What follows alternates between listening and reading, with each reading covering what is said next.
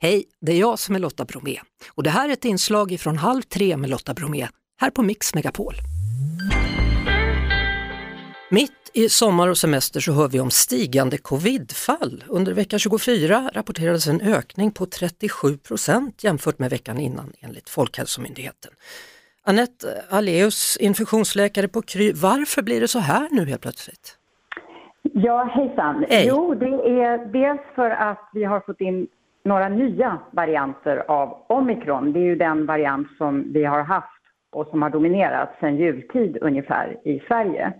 Och den, de varianterna som har såna här fina namn som BA.5 och BA.2.2, det är av mindre betydelse, men strunt samma.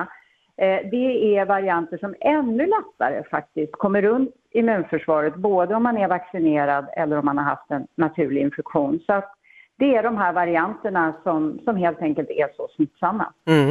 Eh, de flesta då som känner sig förkylda nu kanske gör ett hemtest då, men om det nu inte visar någonting, om man fortsätter vara sjuk, får man göra vanliga test, alltså de här lite mer säkra testen? Ja, det får du göra om du har ett behov av att söka vård. För att än så länge så har man inte ändrat på den möjligheten utan det är fortfarande vård och vårdpersonal och äldreboenden, omsorgspersonal som testas. Det kan ju komma att ändras, men mm.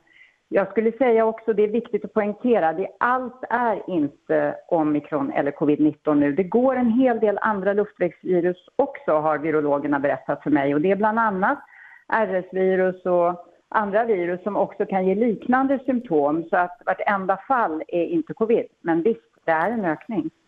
Uh, så när man tittar på stan till exempel eller på landet eller var man än befinner sig så, så är det ju som om ingenting händer. Hur vaksam ska man vara tycker du?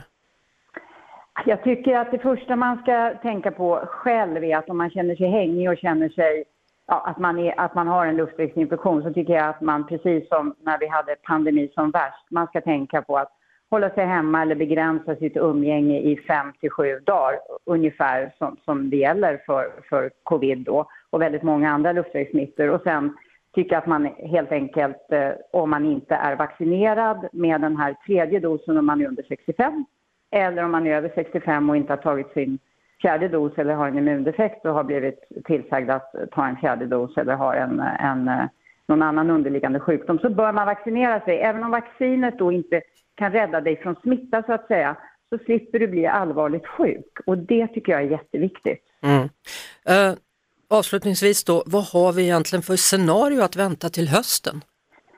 Ja, det är ju en eh, 10 000 kronors fråga eller ännu mer. Vi, vi, vet inte. Alltså Folkhälsomyndigheten har ju visat två scenarier som egentligen båda två talar om en ökning och det beror ju på att den här varianten som jag just pratade om som är mer smittsam eller de två smittsamma varianterna kommer ju att behöva befästa sig under sommaren och kanske gör det speciellt till hösten då när vi börjar gå in igen och umgås mera inne och klimatet blir kallare. Mm. Eh, så att vi får väl se, men, men eh, var lite vaksam på dina symptom. Eh, tänk på att du fortfarande kan smitta vad du nu en, du har under en, en, vecka. Och sen ta gärna det här testet och eh, blir du riktigt risig, ja då får du söka vården så får man ju se vad det är för någonting. Vi hörs såklart på Mix Megapol varje eftermiddag vid halv tre. Ett poddtips från Podplay. I podden Något Kaiko garanterar östgötarna Brutti och jag, Davva, dig en stor dos skratt. Där följer jag pladask för köttätandet igen. Man är lite som en jävla vampyr. Man har fått lite blodsmak och då måste man ha mer. Udda spaningar, fängslande anekdoter och en och annan arg rant. Jag måste ha mitt kaffe på morgonen för annars är jag ingen trevlig människa. Då är du ingen trevlig människa, punkt. Något kajko, hör du på Podplay. Därför är gardinerna.